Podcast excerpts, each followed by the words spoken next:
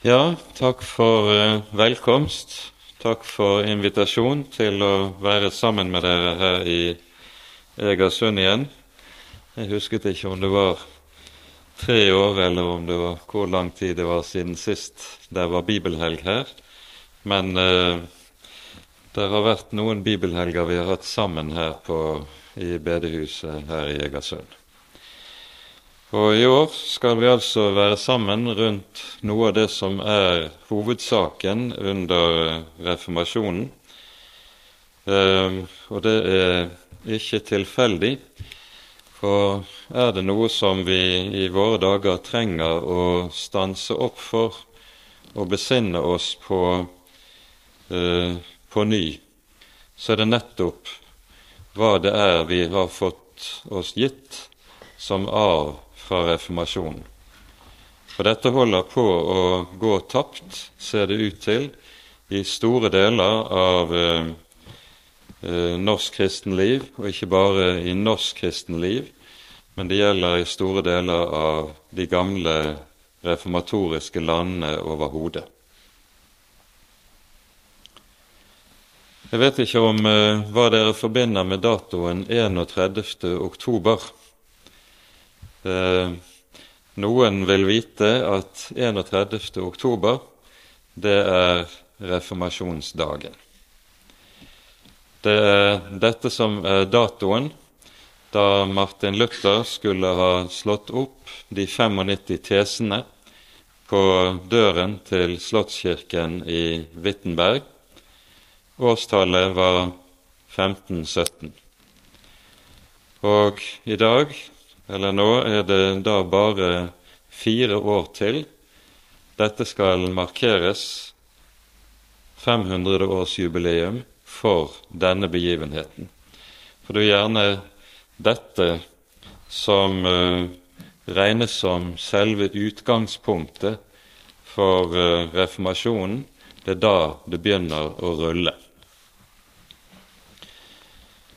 Og i, i anledning at 500-årsjubileet skal feires i 2017, så har jo da Det lutherske verdensforbund fortsatt samtalene med den romersk-katolske kirke om, eh, rundt spørsmålet om læren om rettferdiggjørelsen.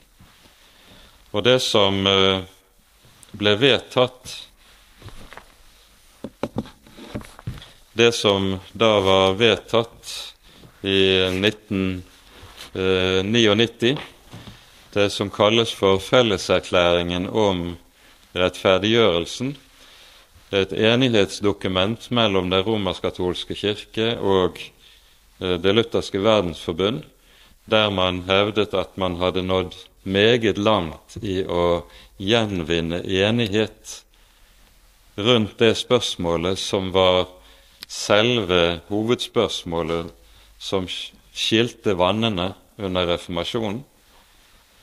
Disse samtalene har man fortsatt, og hevd mener seg da nå å nå til stadig dypere enighet mellom lutheranere og katolikker, og vi vil se nye slike enhetsdokumenter etter hvert komme for dagen.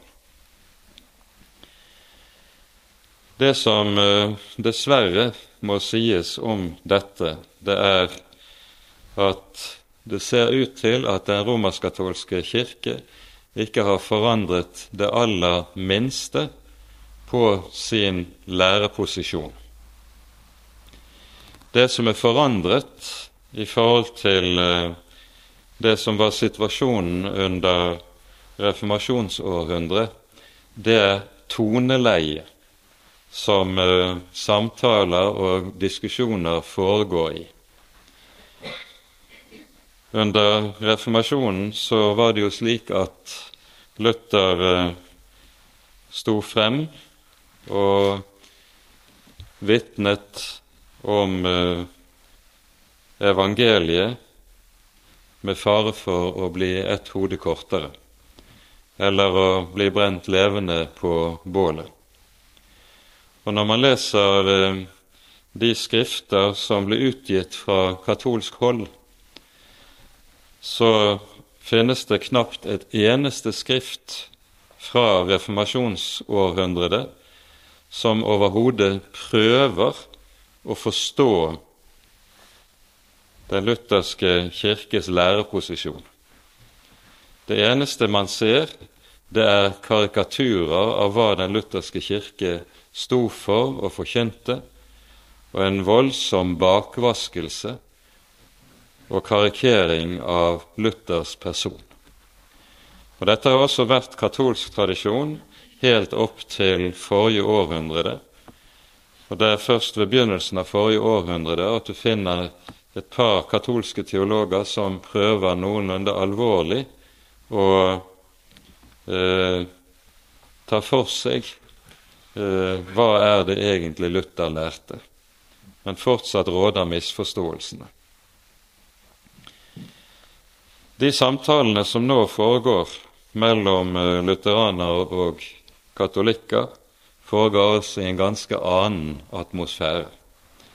Det er fordragelighet, og eh, ikke minst henger denne fordragelighet også sammen med at eh, de lutherske teologer som eh, fører samtalene fra Det lutherske verdensforbunds side, i meget stor utstrekning har forlatt det som er den grunnleggende lutherske posisjon og det grunnleggende lutherske ståsted.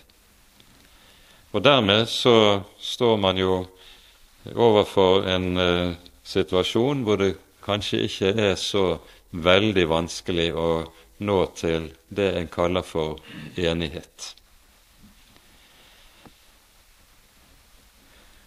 Reformasjonen starter altså, slik man vanligvis daterer det, med at Luther slår opp de 95 teser på slottsdøren i Wittenberg.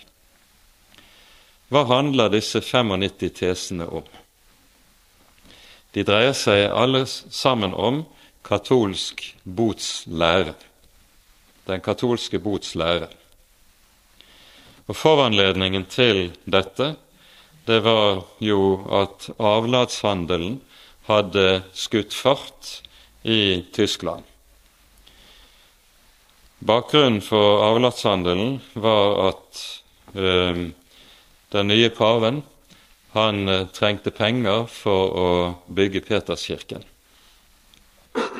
Og eh, en del av eh, en ganske betydelig del av finansieringen for eh, dette byggverket det fikk han ved at han utnevnte en ny erkebiskop i Mainz, som betalte svært høye beløp for å få denne viktige posisjonen.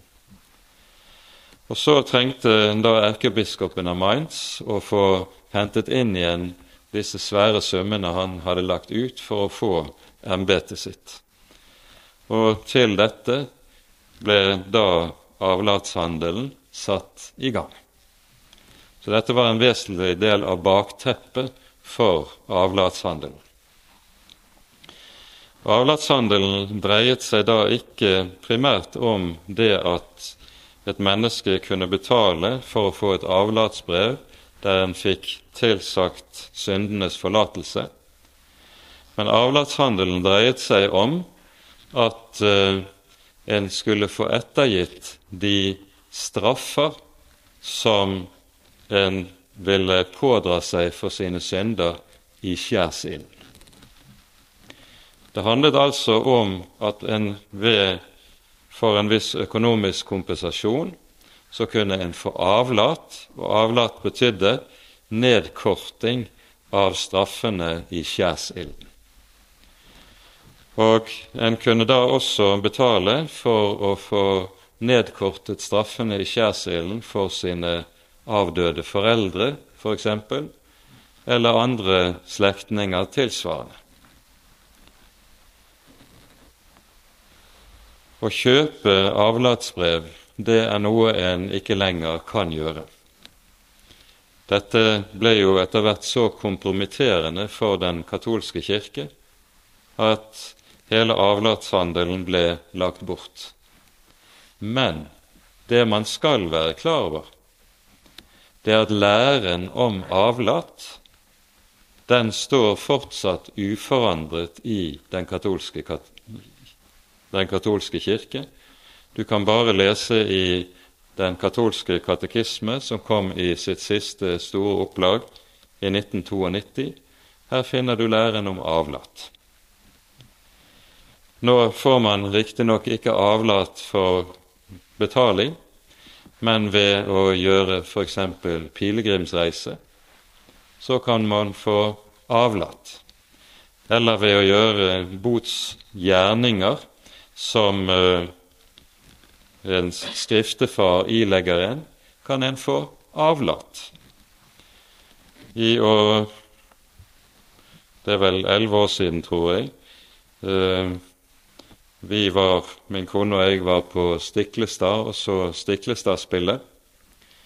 Da var vi også innom den lille Olavskirken, som er katolsk kirke på Stiklestad. Og I glass og ramme henger det der på veggen et brev fra daværende pave Johannes Paul, som lover avlat til alle som reiser på pilegrimsreise til Stiklestad i år 2000, som var et såkalt jubelår. Så læren om avlaten den er fortsatt levende i den romersk-katolske kirke. Men bakteppet for dette er altså den katolske bots lære. Og når Luther slår opp disse 95 tesene på Slottskirken, Slottskirkedøren i Wittenberg, så er det 95 teser som handler om avlaten og om boten. For det som han griper fatt i, det er jo nettopp katolsk botslære. Og eh, det Luther da gjør Han aner jo ikke overhodet rekkevidden av hva han, hva han, her gjør. For eh, med å slå opp slike teser som han der gjorde, så var det noe som var en ikke uvanlig måte å invitere til akademisk debatt i datiden. En eh, ønsket at det skulle drøftes ulike teologiske tema, og så formulerte en et antall teser som ble fremlagt til overveielse og debatt i det lærde kollegium. Og Vi finner senere i Luthers liv at han også utga forut for slike disputaser, så utga han et sett med ulike antall teser som så ble tatt opp til drøftelse i aktuelle fora. Og det er det som er settingen som dette skjer i. Men så skjer da dette at for det første så er trykkekunsten oppfunnet. Og der er boktrykkere i Wittenberg som snapper dette opp og trykker tesene opp i store opplag, og det spres omkring i hele Tyskland. Og det vekker sensasjon. Og erkebiskopen av Mainz blir meget bekymret. For hvis dette virkelig disse radikale tesene som Luther slår opp, virkelig skal komme til å vinne gehør, da vil han jo rammes så alvorlig på pengepungen at han vil få problemer med gjelden han har satt seg i for å få sitt embete. Og eh, om en mann ikke er synderlig interessert i å diskutere teologi, så ser vi hvis teologien får økonomiske følger, ja, da, da brenner iveren. Og det er dette som gjør at det hele begynner å rulle.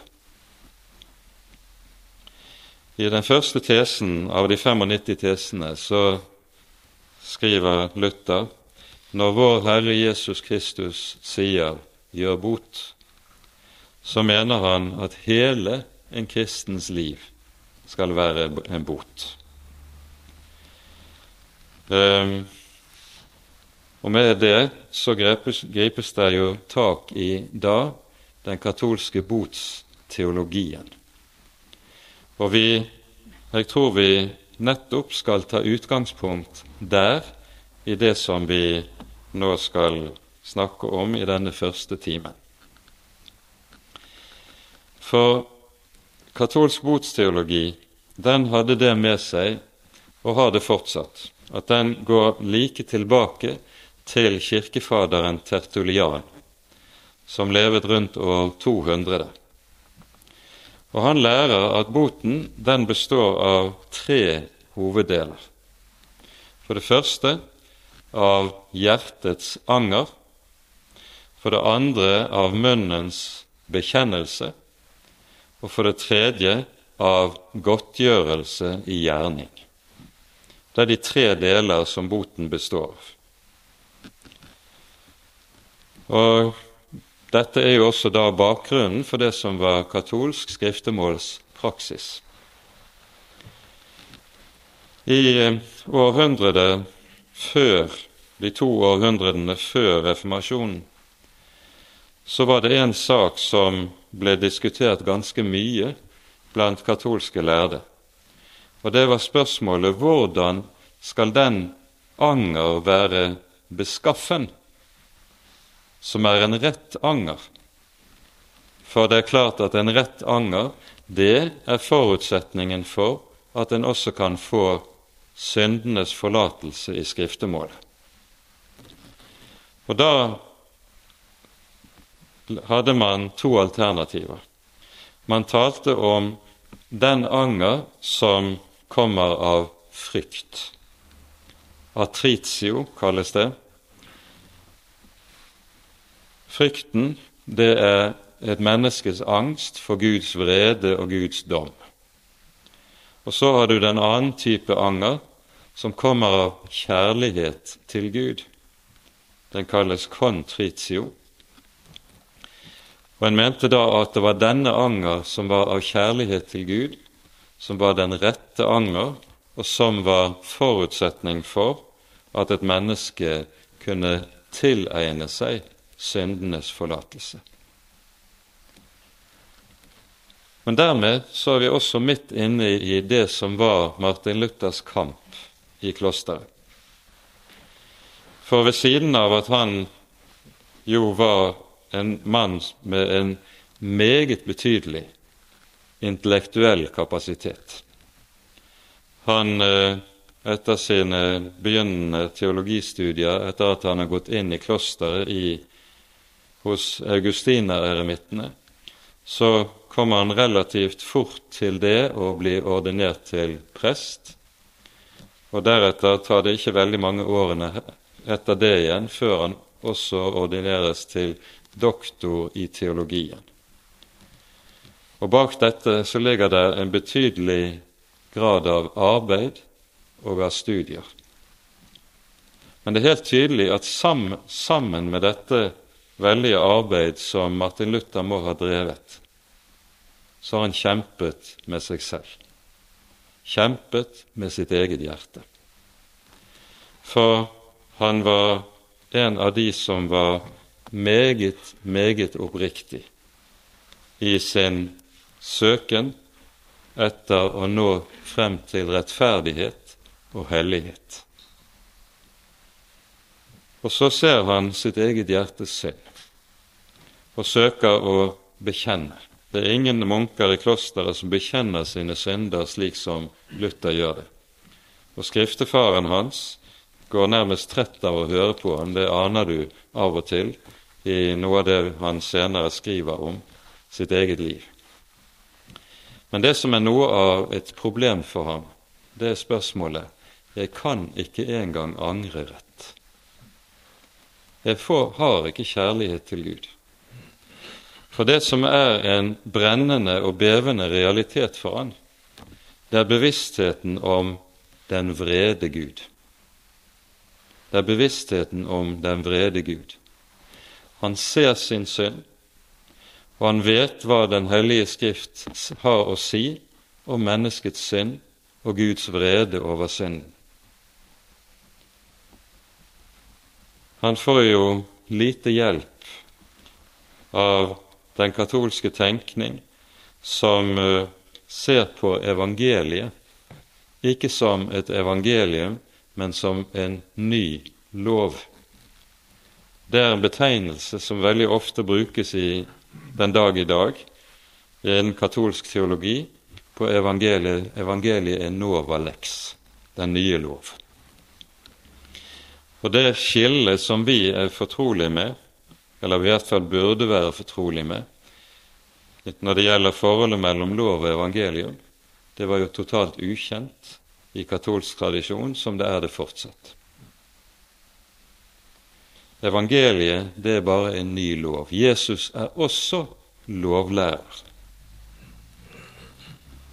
Og så får han da å kjempe med sitt eget hjertes synd i bevisstheten om den vrede Gud. Han, og når Luther taler om og kan gi seg til å skildre noe av de kamper og den nød han står oppe i i dette, så er det tydelig at her har det ikke vært spøk. Tidvis har han kjent det som at han hang i en tynn tråd over det brennende helvete, og det var ingen trøst å hente, for han kunne jo ikke angre rett. Det var meget av hans nød. Så skjer da det til slutt at Luther når til sitt evangeliske gjennombrudd. Konrad leste innledningsvis ordene som Luther selv sier kom til å løse han. Det skjer gjennom et arbeid med å søke å forstå Den hellige skrift, forstå Paulus' lære i romerbrevet, ikke minst. Luther har selv ved flere anledninger fortalt om eh, denne sin opplevelse. Det kalles gjerne for tårnopplevelsen. Og de lærde strides om når dette egentlig var. Og man har vel egentlig aldri landet på noe entydig løsning for Luther selv tidfester ikke dette. Antagelig har det vært rundt årstallet 1517, men eh, det kan ikke slås fast med bestemthet.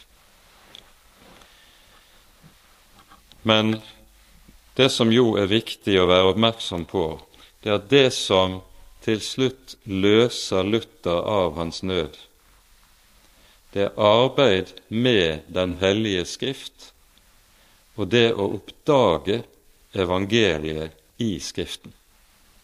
Det er det som løser ham ut, det er det som setter ham i frihet, og ikke minst frir ham fra angsten.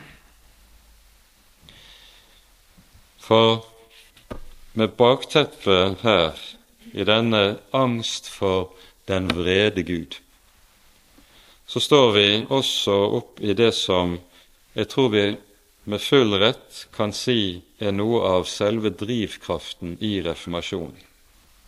Det er rett og slett spørsmålet om frelsesvisshet. Hvordan kan et menneske vite at det står i nåde hos Gud?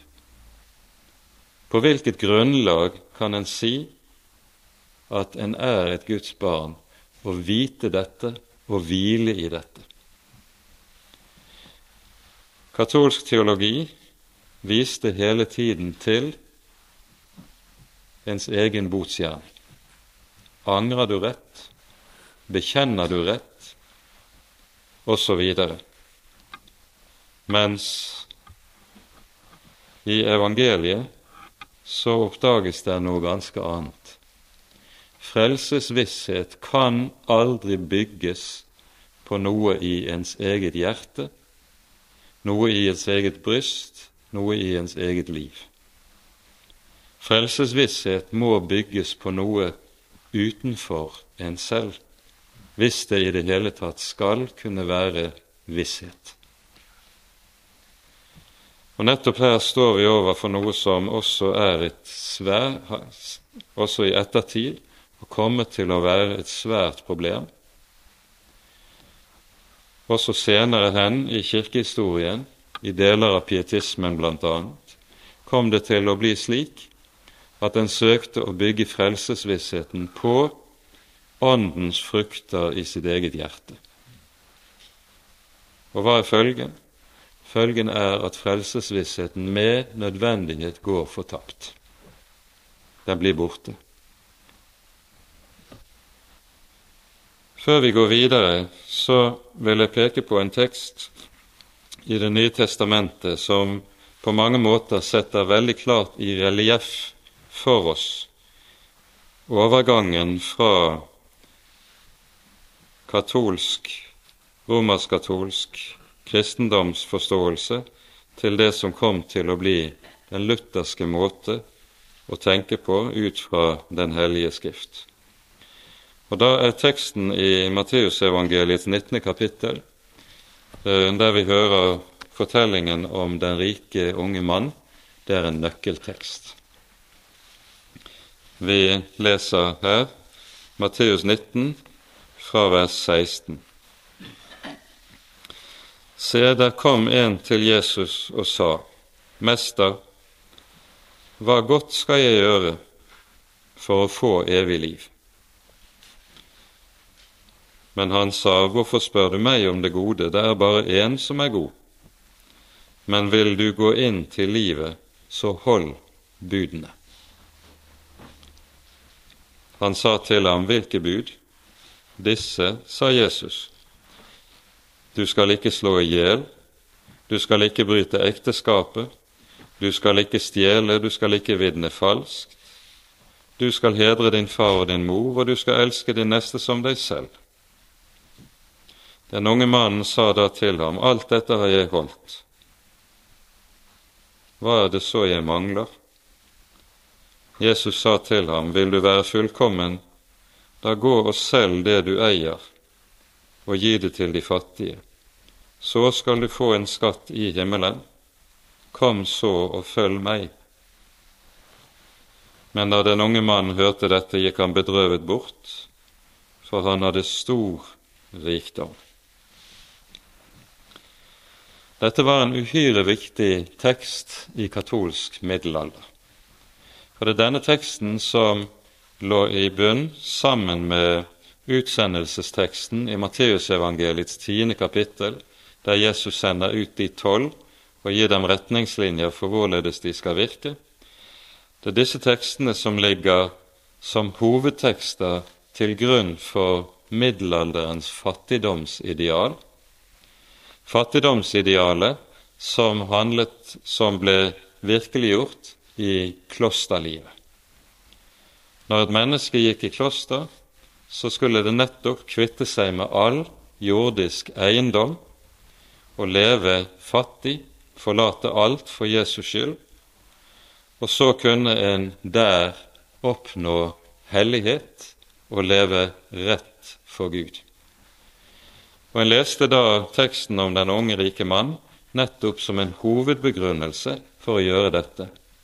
Hvorledes skal du bli fullkommen? Selg alt du eier, gi det til de fattige, kom så og følg meg. Men når, Martin Luther etter hvert forstår, med oppdagelsen av hva evangeliet er, hva rettferdiggjørelsen av tro er for noe, da skjønner han også samtidig forskjellen på lov og evangelium, nemlig at dette er to ord som skal forkynnes på ulik måte. Og Det som jo er særegent når det gjelder denne teksten om den unge rike mann, det er at når han spør om det evige liv, hva er det Jesus da forkynner. Han forkynner ham loven. Vi får høre en sammenfatning av de ti bud, men det er loven. Hva er det som gjør at Jesus her gir denne rike unge mann budene, i stedet for, som vi hører ved en rekke andre anledninger, si til mennesker som kommer til ham, gå bort i fred, din tro har frelst deg, dine synder er deg forlatt. Disse får høre et slikt budskap, Men det får den rike unge mann ikke høre. Hvorfor forkynner Jesus den rike unge mann loven, mens disse andre, disse hjelpeløse som kommer til ham, Jesus med sin nød, sykdom, skrøpelighet, de får ikke høre noen lov. De får ikke høre noen krav. De får høre løftet om syndenes forlatelse. De får høre evangeliet. Hva er grunnen til det? Jo, grunnen ligger jo i dette som den rike unge mann selv sier når Jesus legger frem for ham de ti bud. Så sier han alt dette har jeg holdt fra min ungdom av. Hva, er det han dermed sier? Hva er det dermed som røpes? Han er dypt, dypt egenrettferdig. Og den egenrettferdige kan ikke og skal ikke få høre evangeliet. Den egenrettferdige må høre loven, for hva er loven gitt for? Noe av det som er selve hensikten med loven, det er nettopp det at den skal knuse menneskets egenrettferdighet og åpenbare menneskets synd. Vi vet at alt det loven sier, det taler den til dem som har loven, for at hver munn skal lukkes og hele verden blir skyldig for Gud. Slik skriver Paulus om loven i Romerbrevets tredje kapittel. Og Det Jesus gjør, det er at han opptrer som en lege overfor sine pasienter. Den ene har den sykdom, så foreskrives han den medisin. Han er en synder som sliter med sin syndenød, og så får han høre evangeliet fra Jesu munn. Sønn, dine synder er deg forlatt. Mens den andre altså er blind i egenrettferdighet. Han får ikke høre noe evangelium. Han får høre loven. Og så må loven få gjøre sin gjerning i hans hjerte før han kan få høre et evangelium. Jesus opptrer her som en sjelesørger, en lege som, en lege som gir medisin til de ulike mennesker avhengig av hva som er deres sjels tilstand. Den ene får loven, den andre for evangeliet. Jesus er sjelelegen. Men poenget i sammenhengen når vi taler, bruker denne teksten for å si litt om reformasjonen, det er at når Luther leser denne teksten som katolsk munk. Da hører vi han leser teksten uten å se forskjellen på lov og evangelium. Han går inn i det katolske tenkningen om fullkommenhetsidealet og prøver å leve fattig i verden for å bli fullkommen for Gud. Når evangeliet er oppdaget, da ser han at når Jesus sier til den rike unge mann Selg det du eier, gi det til de fattige, så er det en art lovforkynnelse som har en bestemt oppgave, nemlig å avsløre sannheten om ham, og han blir avslørt. For det som Jesus da med å komme med dette lovens krav åpenbarer i den rike unge manns liv, det er jo at midt oppi all hans rettferdighet, så er han en avgudsdyrker. Det er ikke Herren Israels Gud som er hans Gud, det er Mammon. Og så er kjærligheten til Mammon noe som hindrer den rike unge mann å følge Herren Jesus. Loven avslører. Og dermed så kommer disse tekstene som taler på denne måten i Det nye testamentet, i et fullstendig annerledes lys. Det ser vi jo. Og hele middelalderens fattigdomsideal faller med dette etter hvert også sammen. Det som nå skjer under reformasjonen, etter at Luther har lagt frem de 95 tesene, det er at han først kalles til disputas med en av datidens ledende katolske teologer, Johan Eck. Denne disputasen er vinteren i 1518. Og Luther bøyer ikke av, for han har fått klarhet i Guds ord. Året etter sender paven en av sin fremste lærde, kardinal Cayetan, til Tyskland for å utfordre Luther til disputas. Og eh, i denne disputasen så tvinges Luther til å medgi at paven og kirkemøtene har tatt feil. Og dermed kan han stemples som kjetter.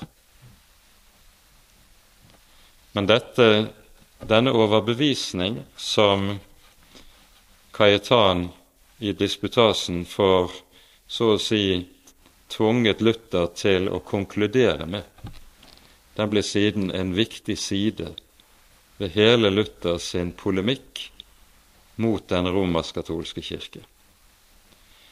For i 1520 kommer det ene grunnleggende viktige skrift fra Luthers hånd etter det annet. Skriftet om kirkens babylonske fangenskap, der han taler om de syv sakramentene i den katolske kirke, og hvorledes den romersk-katolske kirke har misbrukt sin stilling i disse sakramentene. Han skriver skriftet til den tyske adel, den kristne adel av den tyske nasjon, og mener at utfordrer dem til å ta tak i en opprensking av de kirkelige forhold i de tyske land. Han skriver skrifter om de gode gjerninger, om et kristen menneskes frihet. Alle disse hovedskriftene kommer i 1520. Og så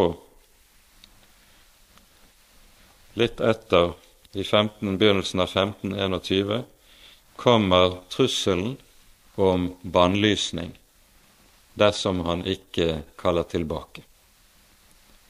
Og Denne bølen fra paven den er det da Luther sammen med sine venner tar med seg utenfor byen og brenner opp sammen med de kanoniske bøker. De kanoniske bøker det er den romersk-katolske kirkes kirkerettslige bøker, og som alle katolske geistlige både må kjenne og innrette seg etter. Alt dette brennes. Og så kommer riksdagen i Worms i 1521, litt utpå høstparten. Her er alle de mektige i Tyskland samlet ikke bare Luthers kurfyrste og en rekke av de andre fyrstene, men keiseren er der. Og det er også representanter fra landene i nord. Annet han som kom til å bli kong Kristian 2. av Danmark-Norge, er til stede. Og Luthers opptreden i Worms gjør så sterkt inntrykk på Kristian at dette er bakgrunnen for at han innfører reformasjonen i Danmark-Norge. Luther blir bedt om å tilbakekalle når han er i Worms. Han har fått med seg kurfyrsten hans, har sendt med ham en uh, jurist som skal hjelpe han i forhold til alle de spissfindighetene som uh, en kan fange en stakkar som ikke har greie på juss i, i ved slike evenementer. Og Juristen sier til Luther du kan ikke bare svare ja og nei på et sånt spørsmål. Du må kreve fremlagt hvilke skrifter er det dere vil jeg skal tilbakekalle. Da fikk de det travelt. Og så fikk de etter hvert samlet sammen alt det som alle de skrifter som Luther sto som forfatter av. Det ble lagt på et stort bord i salen der keiseren og alle fyrstene var samlet. Og så ser de katolske teologene på alt dette, og så ler de. Ingen mann kan ha skrevet så mye. Men Luther hadde en utrolig arbeidskapasitet. Og så løfter de opp det ene skrift etter det andre. Vil du tilbakekalle dette? Og så videre. Og uh, Luther er til å begynne med meget bevende. Han uh, forstår situasjonens alvor. Han husker meget godt hvordan det var gått med Johan Hus litt mer enn 100 år tidligere i ved konsilet i Konstans. Johan Hus, leder for uh, det som ble en slags reformasjon i Tsjekkia.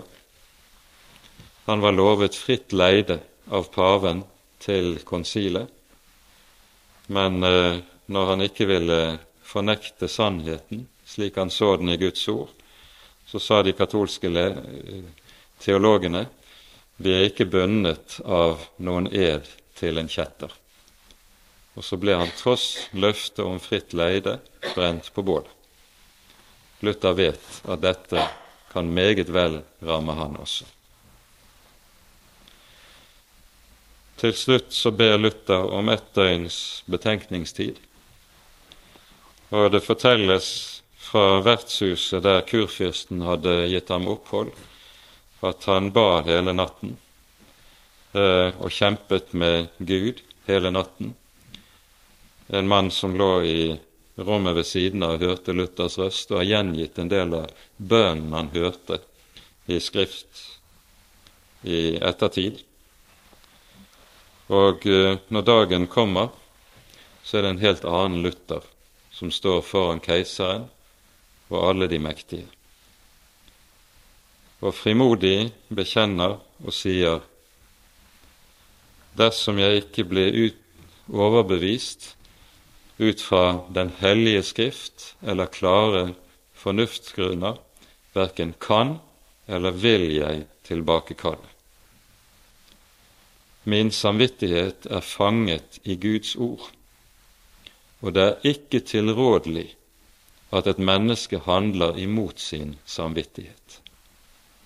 Her står jeg og kan ikke annet. Så er det dette som ble Luthers ord. Og eh, når Luther reiser ut av Worms, så er det med bannlysningen, som nå har trådt i kraft. For bannlysningen betyr at Luther eh, Hvem som helst kan ta Luther av dage uten å behøve å frykte for straff. Han er fredløs. Så selv om befolkningen i Worms feirer Luther som en helt og jubler for ham når han forlater byen, så vet han at han nå lever med livet i hendene.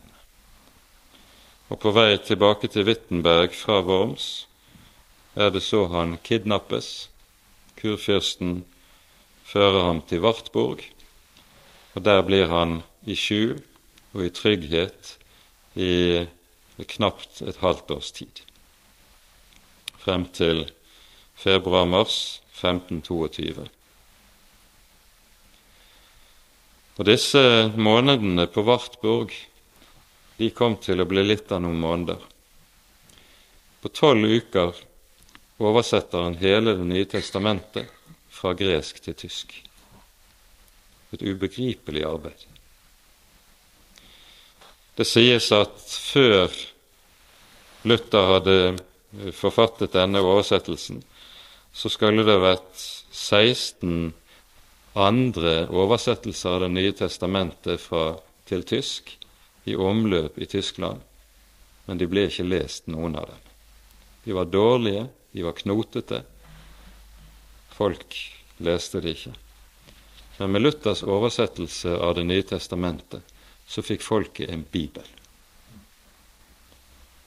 Og denne Bibelen ble lest, og den ble elsket, og den ble den boken som også kom til å så å si skape det tyske skriftspråket. Men reformasjonen kom jo ikke til først og fremst å handle om at folket fikk Bibelen, men den kom til å handle om en annen hovedsak som vi allerede har vært inne på. Vi skal snakke mer om det i den neste timen i kveld, men det handlet om dette. Hva er den rette forståelse av Den hellige Skrift? Det er det som er det store spørsmål. Hvordan kan vi forstå Skriften rett? Det er det som var hovedsaken. I årene som følger 1522, så kommer det til å bli umåtelig kampfylte år. I 1525 kommer bondekrigene. Det samme året er det at Luther også utgir Deutsche Messe, gudstjenesten oversett til tysk språk. Og enda noen år senere, i 1530, er det riksdagen i Augsburg kommer, der keiseren nå har fått fred. Trusselen fra tyrkerne er eh, underkuet ved at tyrkerne er beseiret utenfor Wien. Og så samler keiseren på ny alle de tyske stender og fyrster til en ny riksdag. Nå må saken avgjøres religionsspørsmålet. For det som jo var hele poenget i middelalderens måte å tenke på, er at det er én Gud, det er én hersker, der er ett folk. Det at man får en deling i religionsspørsmålet, slik som det etter hvert vokste frem at det ble to kirker, det var noe som ble sett på som en absolutt umulighet. Er Gud én, så kan det bare være én kirke. Og Derfor måtte dette løses av keiseren. Og Så kommer riksdagen i Augsburg. Og hva er det der som skjer? Luther er lyst i bann. Han kan ikke reise til Augsburg. Men Philip Melanchthon, Luthers nære medarbeider, reiser der sammen med en rekke andre teologer som han kan arbeide sammen med. Og så legger de frem det som er den lutherske kirkes hovedbekjennelse. Den augsburgske bekjennelse. Confessio Augustana fra 1530. Og Det vi bør være klar over, det er at den, det kan være meget å si om Luther selv Luthers teologi, Luthers person. Luther var ikke ufeilbarlig. Og Derfor er det også slik at den lutherske kirke aldri har fulgt Luther i alt han har sagt og alt han har gjort.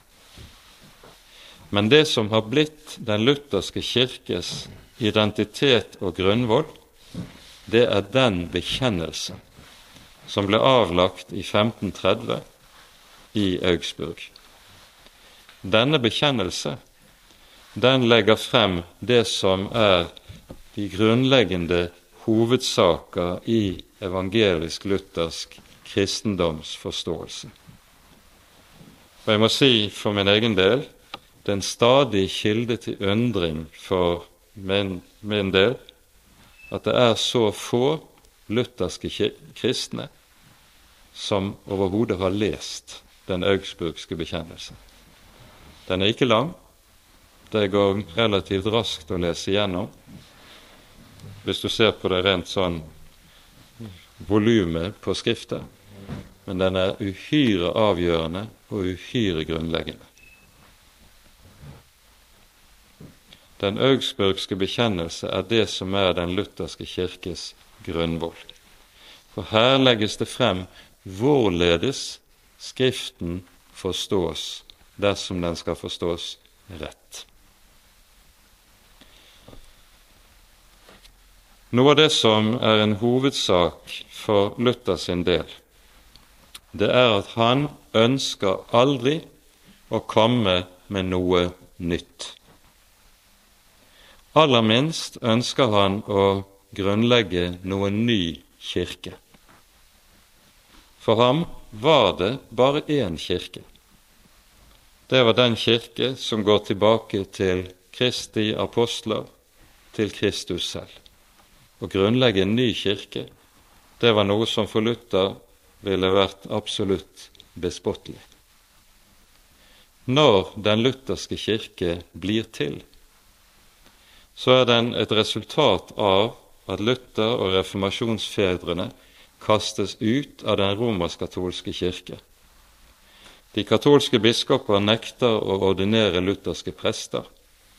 De nekter å med, gi en luthersk kirke ordning der evangeliet etter Guds ord blir tatt på alvor.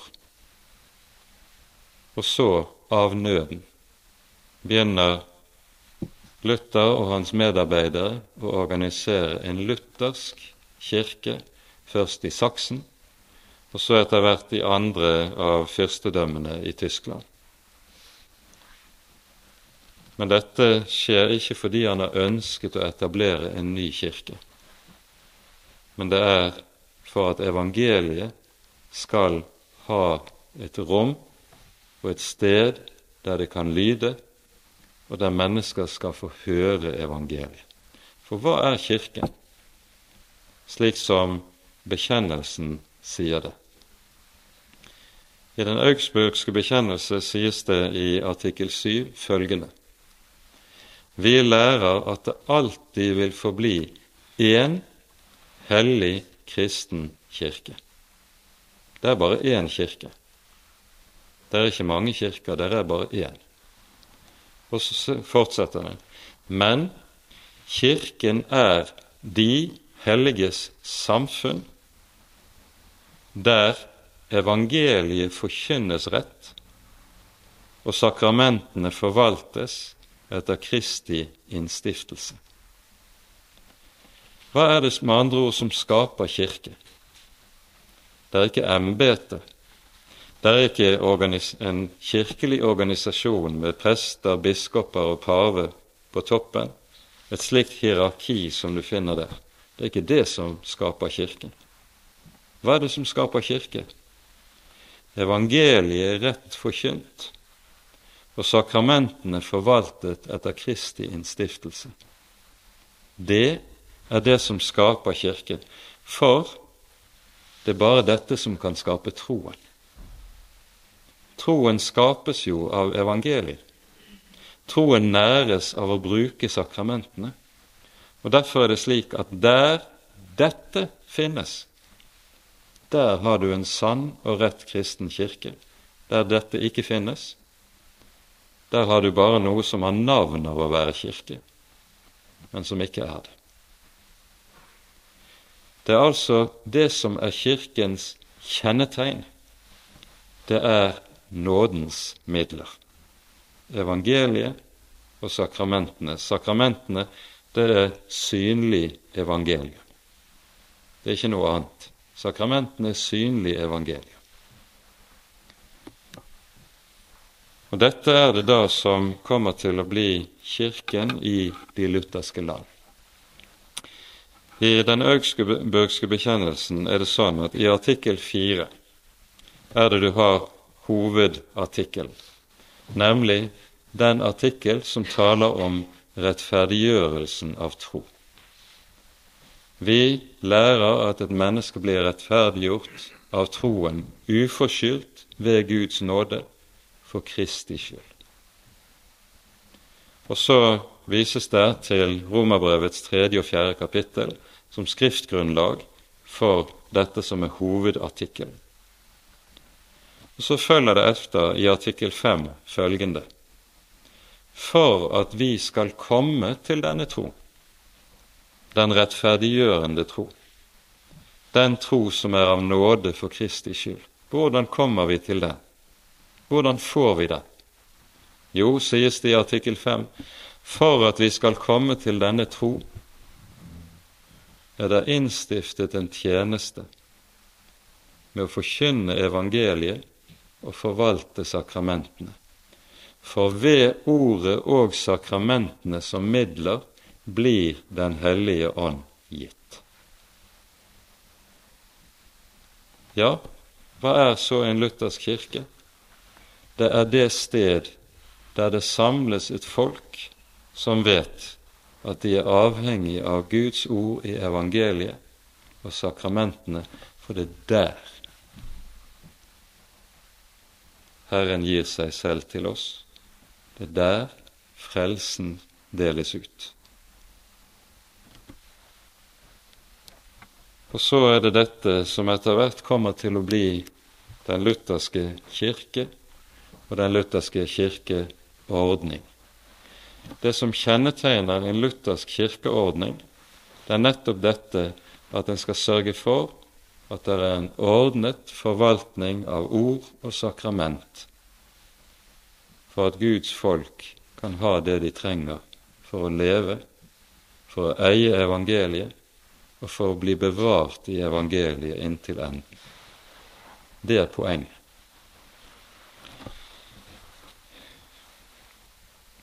Når Luther derfor, midt oppi at han aldri drømte om å etablere noen ny kirke, aldri drømte om at han ville skulle komme med noe nytt, likevel etter, må og tvinges til å etablere det som blir en luthersk kirkeordning, så skjer dette i bevisstheten om vi skaper ikke noe nytt. Det vi gjør, det at vi griper tilbake til det budskap, det evangelium, som den første kristne menighet levet på og ble frelst ved. For Luther var det slik at det å komme med noe nytt, det var ensbetydende med vranglære. Han ønsket aldri å komme med noe nytt. Hele reformasjonsverket handlet helt enkelt om å gripe tilbake til det som var gitt av Kristus og apostlene, og det var en gjenoppdagelse av noe som var blitt skjult, ødelagt og nedstøvet av århundreders teologiske vanstyre i middelalderen. Og så hentes gullet frem igjen evangeliet er gjenfunnet. Evangeliet handler om rettferdiggjørelsen av tro, og nøkkelen til dette er nettopp skjelningen mellom lov og evangelium, som vi har vært inne på. Vi skal tale mer om det siden, men dette er bakteppet for hele reformasjonsverket og det som er kjernen i det som det dreier seg om. I våre dager så er det mye snakk om kirke. Men kirke i denne forstand som Luther taler om kirke, det hører vi svært lite om. I våre dager er det megen tale om kristendom, men det er knapt noen som viser interesse dersom det taler om rettferdiggjørelsen av tro og forkynnelsen av loven og evangeliet. Og så må man stille seg spørsmålet er det som var de bærende elementer i reformasjonsverket, noe som er gått fullstendig tapt. Det er knapt noen som er interessert i det, en trekker bare på skuldrene når en hører disse ordene i våre dager. Ja, vi kan stille spørsmålet, men jeg tror vi med dette også er inne i noe av det som er vår tids tragedie innenfor dagens kristenliv. For der dette evangelium blir borte, Der ødelegges menneskers mulighet til å eie frelsesvisshet. Der ødelegges menneskers mulighet til å eie klarhet i troen. Der ødelegges menneskers mulighet til å kunne dø i fred med Gud og i visshet om at bakom død og grav venter det meg ingen skjærsild, men Han som ga livet for min skyld.